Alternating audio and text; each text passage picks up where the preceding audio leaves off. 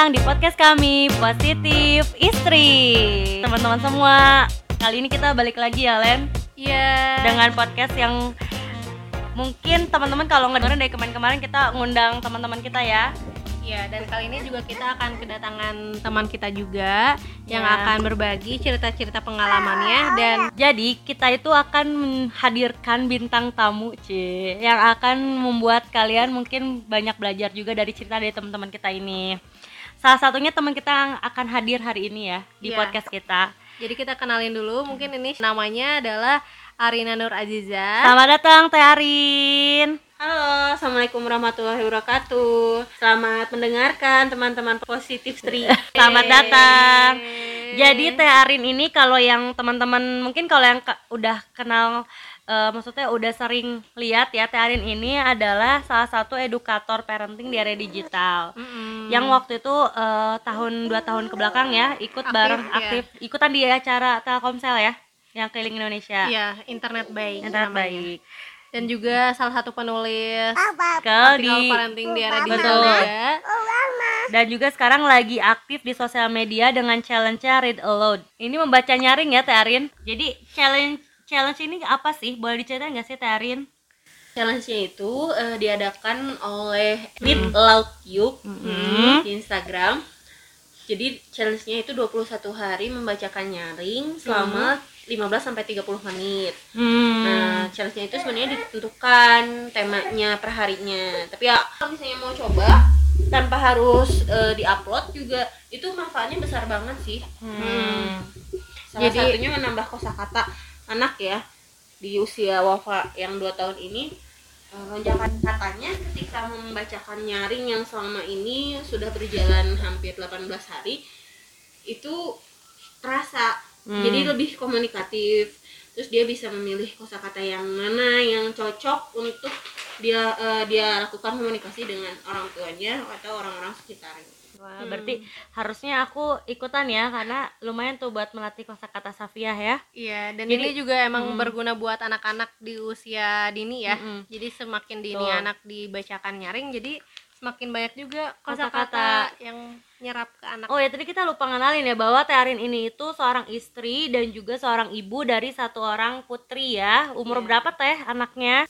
Nama anak saya Wafa, usianya 22 bulan. Bulan depan itu tepat 2 tahun. Wah, Wah, lagi Wafa. mau menyapih nih ya. Iya, Luar biasa. Selamat ya Wafa. Eh, apa lagi ya? Jadi eh, tadi ternyata banyak banget aktivitas Teh Arin ini Hmm. apalagi concern banget ternyata di bidang parenting dan juga Pendidikan, pendidikan anak, usia dini, Luar ya. biasa. Dan ini juga terkait sama bahasan kita ya hari Betul. ini karena bahasannya itu sedikit banyak tentang peran perempuan. Hmm, hmm, hmm. Jadi hari ini tuh tentang kan ini kita selalu ya kalau bikin materi ini Terin ya cerita dikit. Jadi kita tuh selalu eh, ada yang cerita sama kita tema-tema yang kita bawain itu selalu dari hal-hal yang diceritain sama teman-teman pendengar. Nah, nah salah satunya adalah hari ini tuh kita akan bahas tentang luka eh, masa lalu yang akan berpengaruh sama eh, peran kita saat ini gitu. Entah Mm. jadi istri ataupun sudah menjadi ibu gitu. Karena mungkin banyak juga cerita tentang perempuan-perempuan atau istri-istri di luar sana yang ngerasa bahwa susahnya gitu untuk menjadi istri, susahnya untuk mengasuh anak ketika dia membawa luka di masa lalu yang emang belum selesai ya. Dan akhirnya akan berdampak pada kehidupan yang saat ini gitu yang sekarang dijalanin. Mm. Mm-mm. Diberangkat dari kebutuhan kebutuhan ya sebenarnya. Mm-mm. Eh, merasa bahwa setelah menikah itu kan eh, punya anak tuh. Iya. Udah punya anak kayak clueless banget buat bagaimana nanti komunikasinya sama anak, bagaimana nanti kita membersamai tentang tumbuh kembangnya anak. Terus akhirnya eh, mengisi kertas putih itu tuh dengan apa gitu. Nah, Mm-mm. akhirnya saya em, mencoba dengan berbagai cara Hmm. dari media berbagai media dari majelis ilmu dari seminar dari buku dari artikel-artikel apalagi sekarang kan eranya mudah ya untuk belajar Iya. tapi itu juga harus kita harus eh, sebagai eh, orang tua gitu ya orang tua di era digital itu ya harus memiliki kemampuan untuk memilah dan memilih eh, informasi yang benar informasi yang sesuai dengan eh, apa yang kita nanti terapkan pada anak karena eh, ternyata dengan adanya segala kemudahan ini malah membuat eh, distraksi gitu. Distraksi bagi orang tua. Yang katanya kalau ah gini gini gini nggak boleh. Oh ternyata dari literatur yang lain ternyata harusnya kayak gini gini loh ngegedein anak misalnya. Itu yang memang kita harus cek and recheck dan selalu mencari eh, literatur yang benar sesungguhnya gitu untuk anak kita.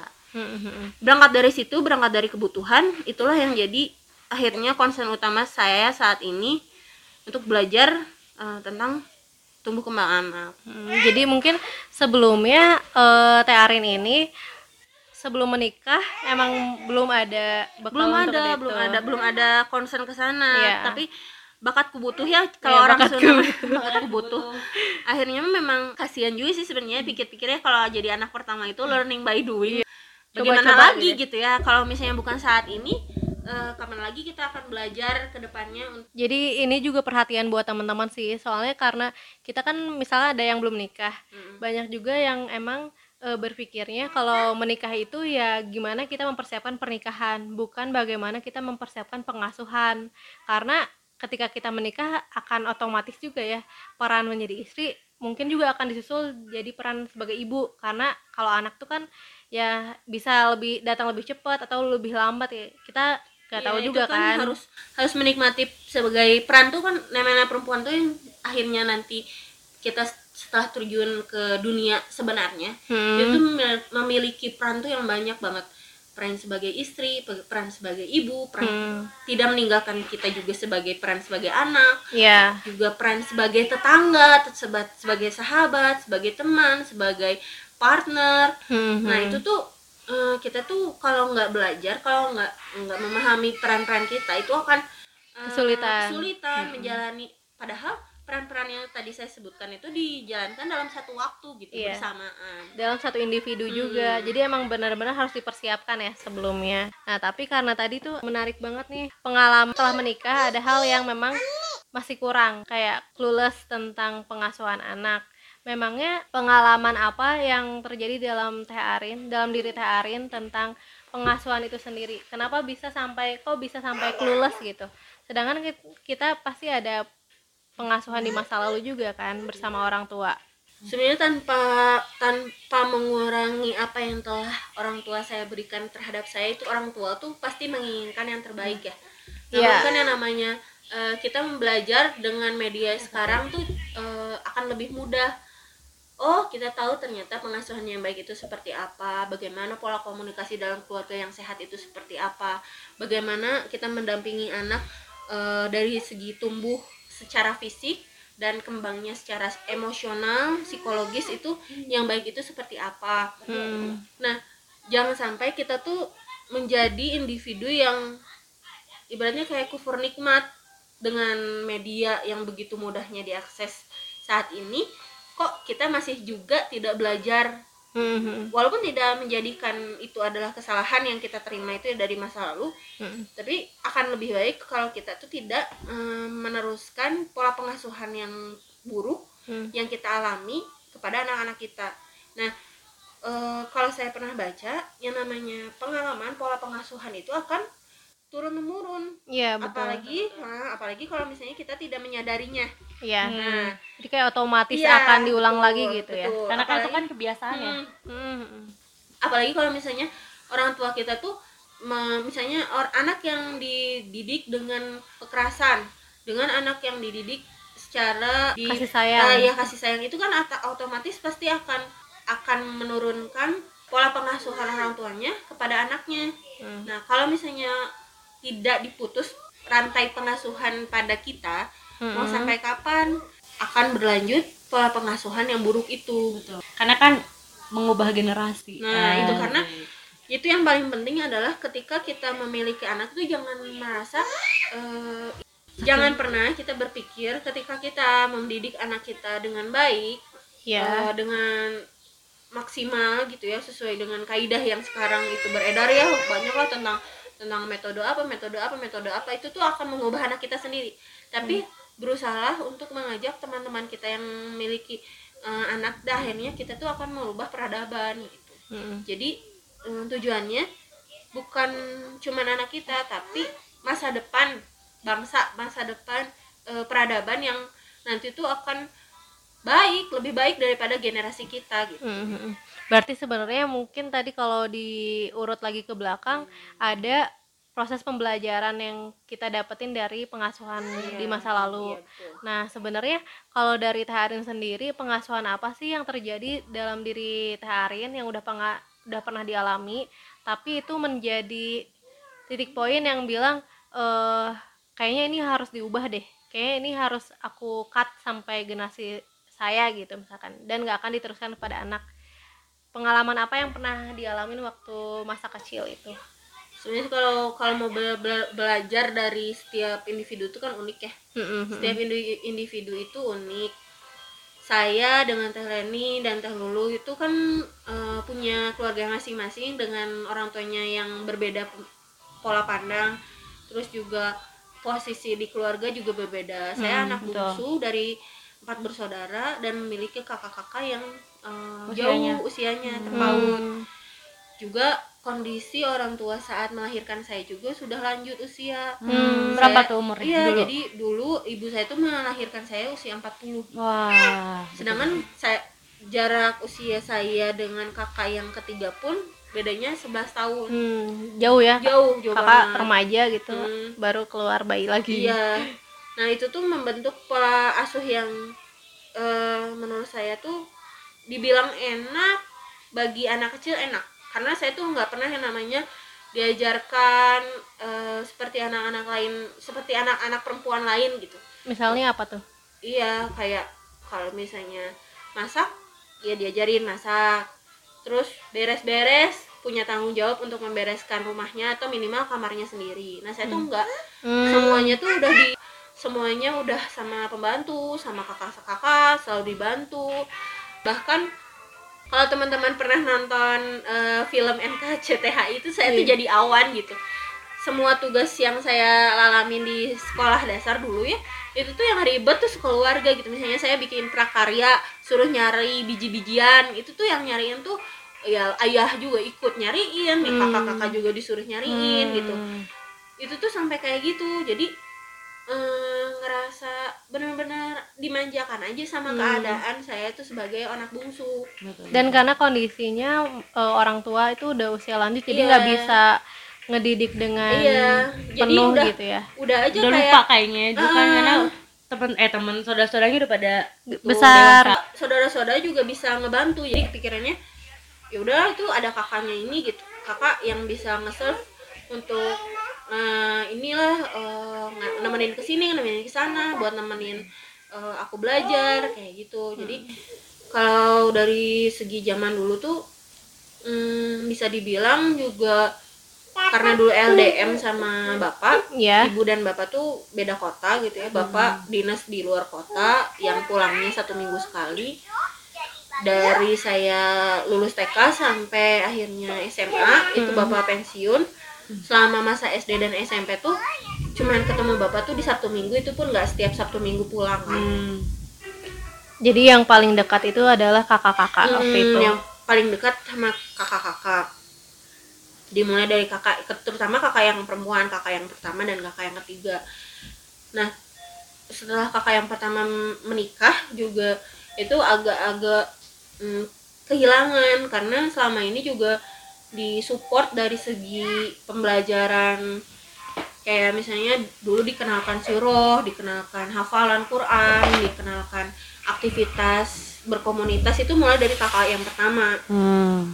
terus eh, karena dulu itu emang superior waktu SD TK SD di lingkungan rumah juga kayak ngerasa semua adalah dunia tuh berpusat pada saya ya Hmm. jadi kayak semua tuh bakalan nurut apa kata saya. Semua tuh bakalan menyediakan apa kebutuhan saya. Terus ketika masuk SMP lebih ngerasa nggak siap aja menghadapin dunia yang lebih eh, heterogen. Dan akhirnya ya itulah karena namanya pergaulan beragam punya latar semua orang tuh punya latar belakang kehidupannya masing-masing. Bagaimana dia dididik di rumah bagaimana latar belakang keluarganya. Akhirnya saya yang namanya mengalami perundungan hmm. di masa sekolah menengah. Jadi eh, menarik banget ya. Jadi sebenarnya pusat pengasuhan tuh sebenarnya adanya di saudara-saudara ya? Maksudnya di kakak-kakak Iya, gitu iya. ya? Aku saya saya ngerasainnya seperti itu sih. Hmm. Oke oke. Terus tadi eh, katanya mengalami perundungan. Nah ini dimulai pada saat sekolah dasar, oh sekolah menengah. Nah eh, yang paling mungkin ini perundungannya mungkin panjang banget ya kalau diceritain. Tapi boleh diceritain sedikit mana hal apa yang paling merasa bahwa ini aku lagi di masa-masa perundungan dan aku nih lagi jatuh gitu istilahnya, lagi down atau gimana? ketika masa itu tuh bener-bener nggak bisa cerita ke siapa siapa karena pertama nggak deket sama ibu kan Mm-mm. Terus kakak yang deket secara psikologis udah Nikah nikah dan jauh lagi ya tinggalnya. terus kakak yang kedua sama ketiga lagi sibuk-sibuknya eh, perkuliahan Hmm. jadi bingung banget dan jadi psikosomatis akhirnya ke Hmm. penyakit gitu Eh, saya tuh kayak sekarang tuh bertekad kenapa kenapa di masa di masa golden age-nya Wafa itu harus benar-benar saya dampingin itu saya nggak pingin nanti akhirnya dia tuh nggak siap juga Hmm. sama kayak saya ngadepin eh, masa-masa sekolah menengah Hmm. sadar bahwa eh, permasalahan sosial itu lebih kompleks daripada sekedar lingkungan sekolah dasar dan eh, lingkungan rumah Eh, dulu kayak karena super, superior terus ternyata nggak bisa kayak gitu lagi menghadapi orang lain menghadapi pertemanan Ada masalah juga merasanya kayak tidak bisa menyelesaikan. nggak bisa terus kayak ngerasa oh eh, saya tuh hubungan sama orang lain tuh pilih-pilih gitu dulu Hmm. tuh kan karena eh, mungkin ya itu yang salah satu yang harus diperbaiki dari pola pengasuhan saat eh, sekolah dasar itu di, dikasih tahu selalu dikasih tahu bahwa nanti kalau misalnya kamu eh, temenan sama yang Bodoh. di bawah kamu nah, nah, apa nanya-nanya terus. Nanti kamu nggak malah nggak belajar nggak konsen sama mata pelajaran di kelas. Nah menurut saya sekarang itu salah besar ketika kita ketika kita berteman dengan yang belum memahami gitu ya belum tidak lebih pintar daripada kita itu ketika kita mengajarkan itu akan kita tuh semakin berlatih gitu. Kita semakin memahami materi itu asal itu tempat tahu waktu dan tempatnya. Gitu. kalau ketika guru lagi menerangkan ya jangan gitu Oh. tapi kalau misalnya kita kita ya jangan pilih-pilih bahkan teman-teman yang eh, dulunya tidak lebih gaul tidak lebih pintar itu nggak akan tahu nanti itu masa depannya itu akan seperti apa gitu. Hmm. Jadi bener-bener pengen nyiapin karena udah jadi seorang ibu kali jadi ada refleksi diri gitu kan di anak itu katanya emang cerminan diri gitu. Jadi katanya eh, kalau misalkan kita punya anak itu kita melihat bagaimana kita di masa lalu dan ingin membuat di masa depannya anak tuh lebih baik dibanding masa lalu kita gitu Iya, katanya.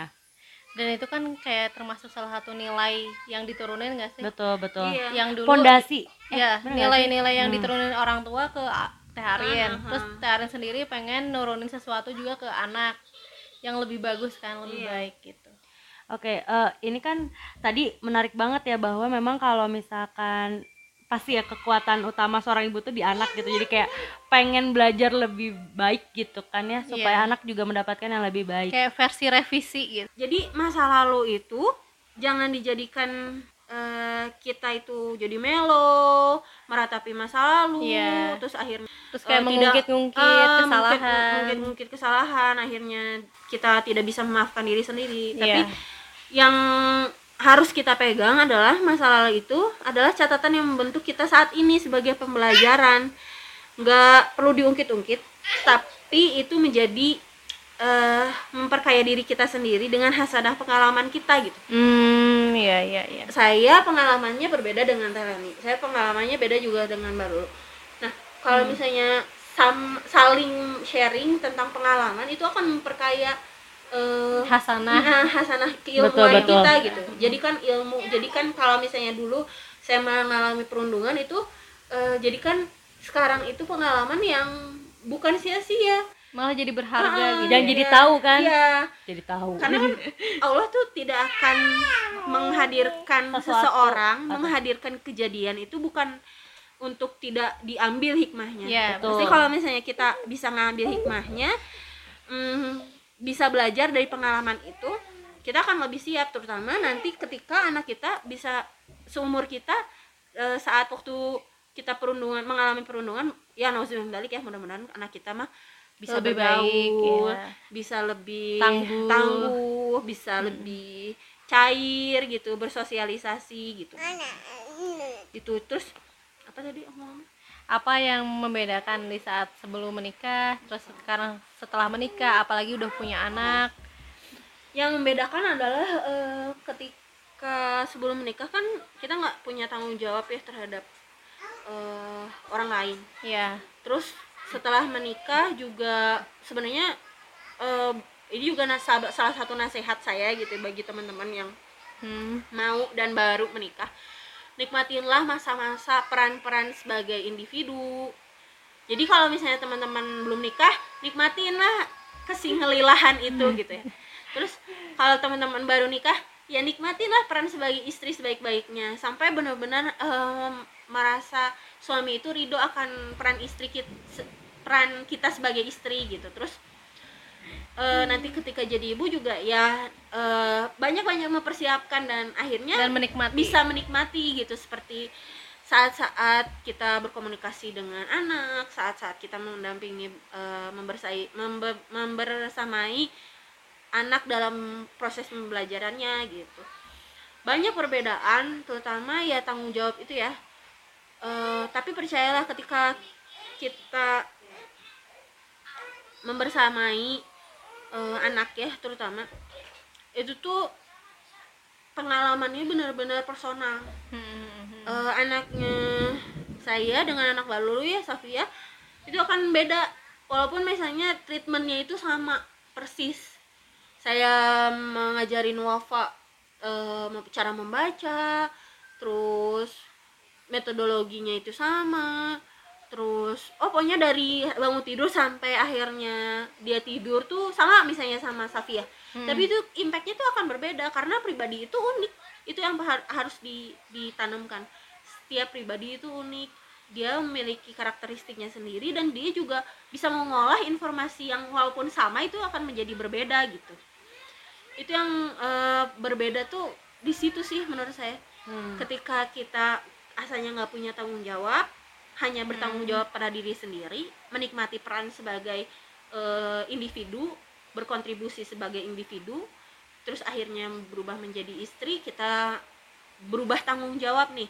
Yang asalnya cuman izin sama orang tua tapi akhirnya izin sama suami. Terus eh, otoritas orang tua sama otoritas suami kan pasti beda ya punya punya punya apa ya pemikiran beda kan. Hmm, nah itu hmm. juga harus banyak-banyak diskusi komunikasi sama suami. Gimana akhirnya eh, pas ketika jadi istri teh menjalankan eh, visi misi keluarga itu sesuai dengan apa yang kita laksanakan saat ini. Jangan sampai apa yang kita lakukan eh, majelis ilmu yang kita datangi eh, komunitas yang kita ikutin itu berseberangan dengan visi misi keluarga yang kita sedang bangun Hmm, betul. Memang ya paling utama itu adalah ketika awal mereka tuh membicarakan visi misi keluarga ya biar betul. ngaruh biar sinkron sama ketika kita ingin mengasuh anak gitu. Betul. Iya. Fondasinya tuh jadi runtun apa ya bahasanya? Turun menurun. Oh ya, tadi kan eh Teh Arin ada pengalaman juga tentang masa-masa di mana Teh Arin tuh sulit untuk bersosialisasi atau di masa perundungan yang tadi ya disebutin diceritain. Nah, apakah setelah punya anak itu tuh ada nggak sih masa di mana kita tuh jadinya berdam ada dampak di masa lalu di masa perundungan itu terus kitanya jadi pas setelah punya anak jadi ngerasa down atau di saat titik terendah kok aku tuh kayak gini gitu kalau pasti ada ya Mm-mm. cuman saya tuh yang lebih lebih berdampak tuh adalah masa-masa pengasuhan dari orang tua. Oh iya apa tuh? Nah, gimana? nah kalau dari orang tua sendiri kan kita ngalamin yang tadi saya jelasin ya eh, saya lebih diasuh oleh kakak terus akhirnya saya di masa yang kehilangan sosok, sosok ayah ayah. Hmm. terus juga eh, dikekang. Dalam konteks banyak butuh izin gitu untuk melakukan sesuatu Hmm. jadi ke diri saya tuh kurang demokrat eh, demokratis gitu orang tua saya tuh nggak memberi nggak memberikan saya kesempatan saya untuk memilih melakukan apa Oh, atau lebih otoriter gitu ya. ya lebih otorat, eh, otoriter walaupun keinginan saya dulu dari dulu memang eh, punya banyak segudang aktivitas Hmm, hmm. Nah, itu nah dampaknya dari perundungan sendiri kan sebenarnya kalau eh, bisa dibilang itu jadi luka lama ya Iya. yang kalau misalnya kita nggak memaafkan luka itu ya akan terus berdampak bahkan diturunkan ke anak gitu Hmm, hmm. jadi kita tuh eh, apa ya Kurang percaya diri kurang percaya mungkin. diri tidak bisa bergaul Iya. mungkin jadi minder pasti ada sih tapi sekarang sih lebih bisa memaafkan. Oh iya. lebih bisa memaafkan diri sendiri dan lingkungan. Hmm. dan percaya kalau misalnya setiap pengalaman itu adalah berharga kan ya pasti kalau misalnya kita tetap em, aduh kenapa ya dulu tuh kayak gitu? Kok bisa aku tuh sebodoh itu ya melakukan hal itu sampai akhirnya eh, orang lain itu bersikap seperti itu kepada saya itu nggak akan ada habisnya gitu Hmm, jadi prosesnya adalah memaafkan diri Iya. sendiri, memaafkan orang lain yang sudah melakukan. Jadi kitanya nggak mengulang-ulang Iya, jadi kesalahan itu ya. ngambil hikmahnya aja sih Oh, dan iya. itu tuh jadi pelajaran berharga banget Mm-mm. Dan itu jadi pelajaran untuk Wafa juga, Iya, ini iya. biar nggak terjadi lagi gitu kan. Hmm. Iya iya. Terus kalau seandainya tadi kan ada eh Teh Arin punya masa lalu yang ada baiknya juga ada buruknya. Pasti semua orang di dunia ini juga kayak gitu kan ya. Kita juga pasti punya pengalaman yang baik dan punya pengalaman yang buruk.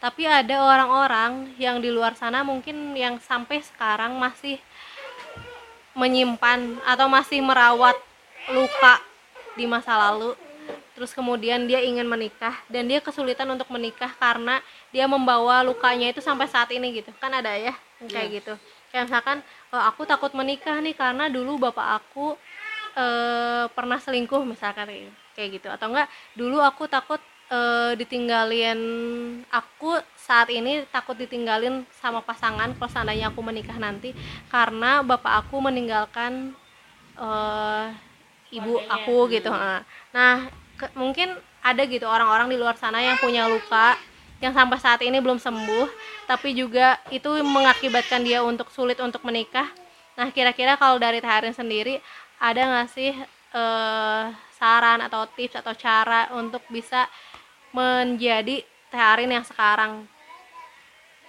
kalau saya sekarang ngerasanya itu setelah menjalani berbagai peran ya Mm-mm. berbagai peran akhirnya menjadi seorang ibu itu merasa lebih berharga.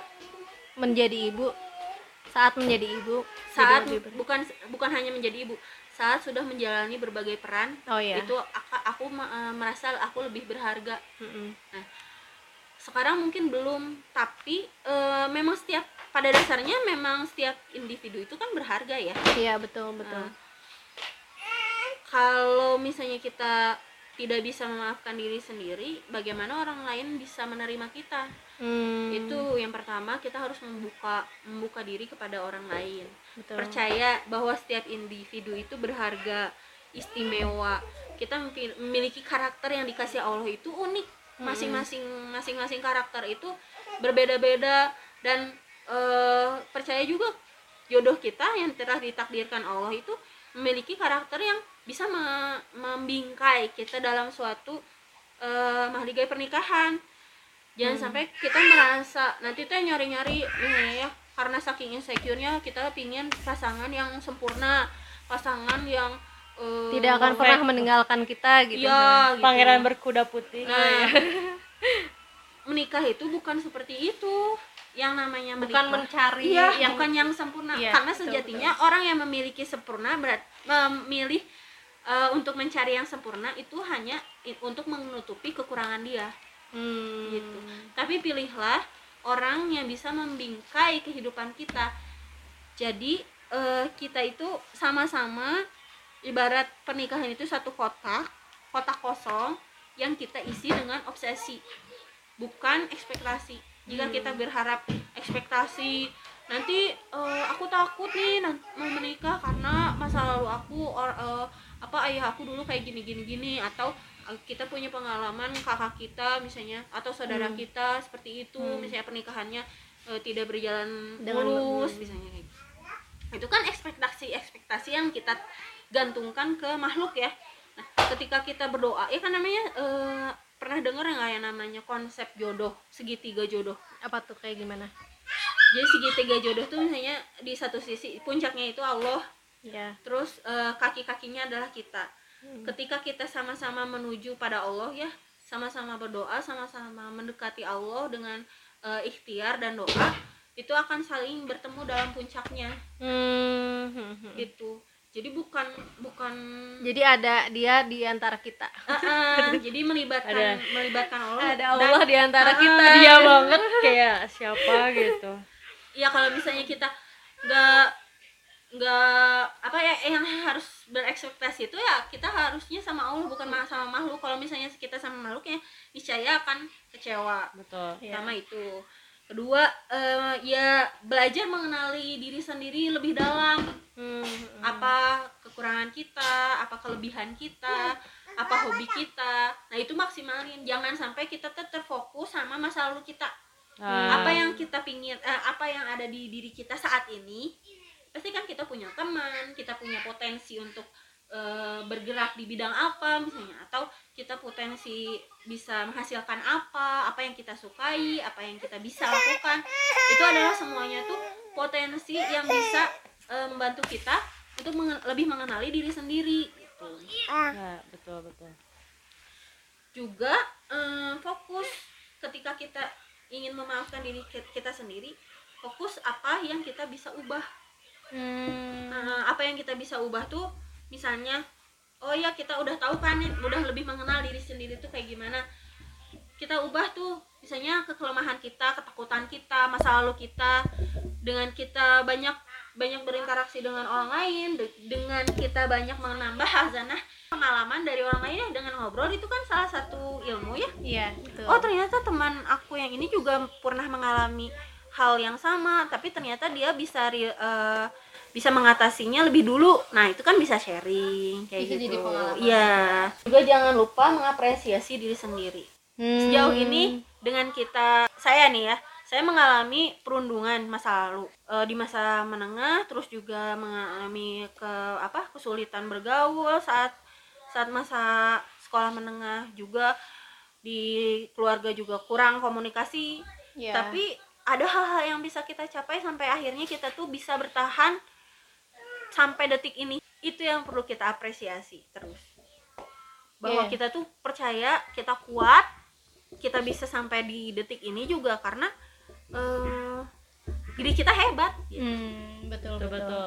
Karena memang kita bertahan aja itu tuh sesuatu prestasi ya. Jangan sampai kita tuh menyerah gitu kan. Ketika ada masalah terus kita bisa bertahan kita punya hal yang berarti itu potensi kita juga kan. Nah, kalau aku tuh eh, selalu ini ya nyimpen dalam diri gitu ya.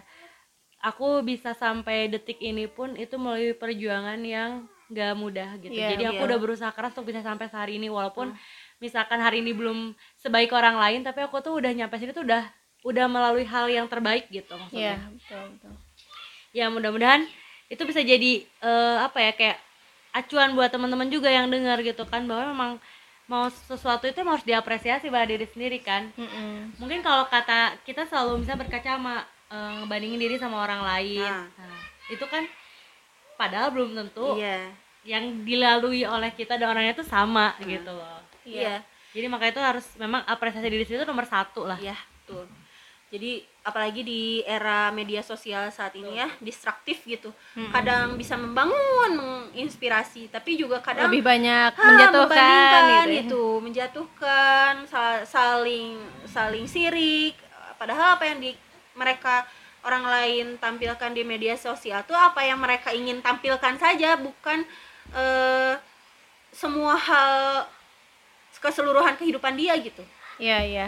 jadi sesuatu itu cuman jangan lihat dari tampak luar Iya, gitu ya iya betul Mm-mm. yang penting pernah eh, saya dapat dari kata-katanya Ustadz Hasan Faruqi ya landasi semua kegiatan kita eh, itu dengan syukur kalau misalnya kitanya udah bersyukur itu tuh alasan yang cukup untuk kita itu tetap tough tetap Hmm. eh, taat kepada Allah kalau misalnya kita udah syukurnya aja udah hilang pasti itu tuh nggak akan kuat lagi gitu menghadapi semua masalah.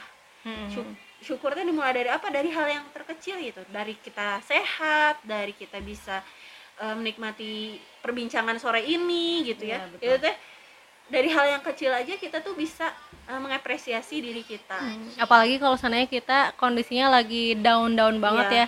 Saat kita lagi jatuh mungkin rasa syukur tuh susah gitu. Kita bersyukur tuh kayaknya kenapa aku tuh kayak gini banget sedangkan orang lain tuh banyaknya gimana ini ya baiknya gitu. mengeluh biasanya. Iya benar-benar banyaknya mengeluh ya. Tapi emang jadinya emang tetap harus bersyukur apa pun yang kita alami saat ini gitu. Buat penutup aja ya. Iya. perjalanan hidup kita itu perjalanan hidup spiritual dan fisik itu personal. Hmm. jangan pernah ngerasa kita tuh eh, nggak ada apa-apanya dibanding orang lain. Jangan pernah ngerasa bahwa orang orang lain itu lebih baik pada daripada kita. Eh, atau kita melihat orang lain itu di bawah kita itu akan jadi jadikan itu sebagai rasa syukur. Tapi kalau misalnya orang lain itu lebih daripada kita jangan sampai em, menjatuhkan diri kita tapi anggap sebagai inspirasi Hmm. obsesi Betul. untuk lebih baik lagi. Luar kalau biasa. bisa dengan kita yang semakin belajar dan mendalami berbagai peran di dalam hidup kita akan lebih menikmatinya itu pertama. Kedua eh, anak-anak itu akan eh, didampingi tumbuh kembangnya oleh ibu yang sehat bahagia minim stres. Itu akan jauh membentuk peradaban yang lebih baik lagi insya Allah Insya Allah, alhamdulillah ya. Kita dapat pesannya luar biasa ya hari ini ngobrolnya Masya Allah langsung menyentuh ke hati. Oke teman-teman, cerita dari Teh Arin dan juga pesan-pesan yang sangat menginspirasi ya. Ini mudah-mudahan insya Allah sangat membuat teman-teman jadi bisa belajar banyak belajar dari cerita kali ini. Bahwa jangan jadikan luka di masa lalu itu sebagai sesuatu yang dipendam terus menerus ya. Tapi jadikan satu jadi pembelajaran yang bisa membuat kita menjadi peran yang lebih baik pada saat ini. Terima kasih teman-teman udah dengerin kita semuanya. Ya, terima kasih juga. Mohon maaf ya jika ada salah kata. Semoga bermanfaat. Wah, terima kasih ya untuk Teh Ari Sekian dari kami. Assalamualaikum warahmatullahi wabarakatuh.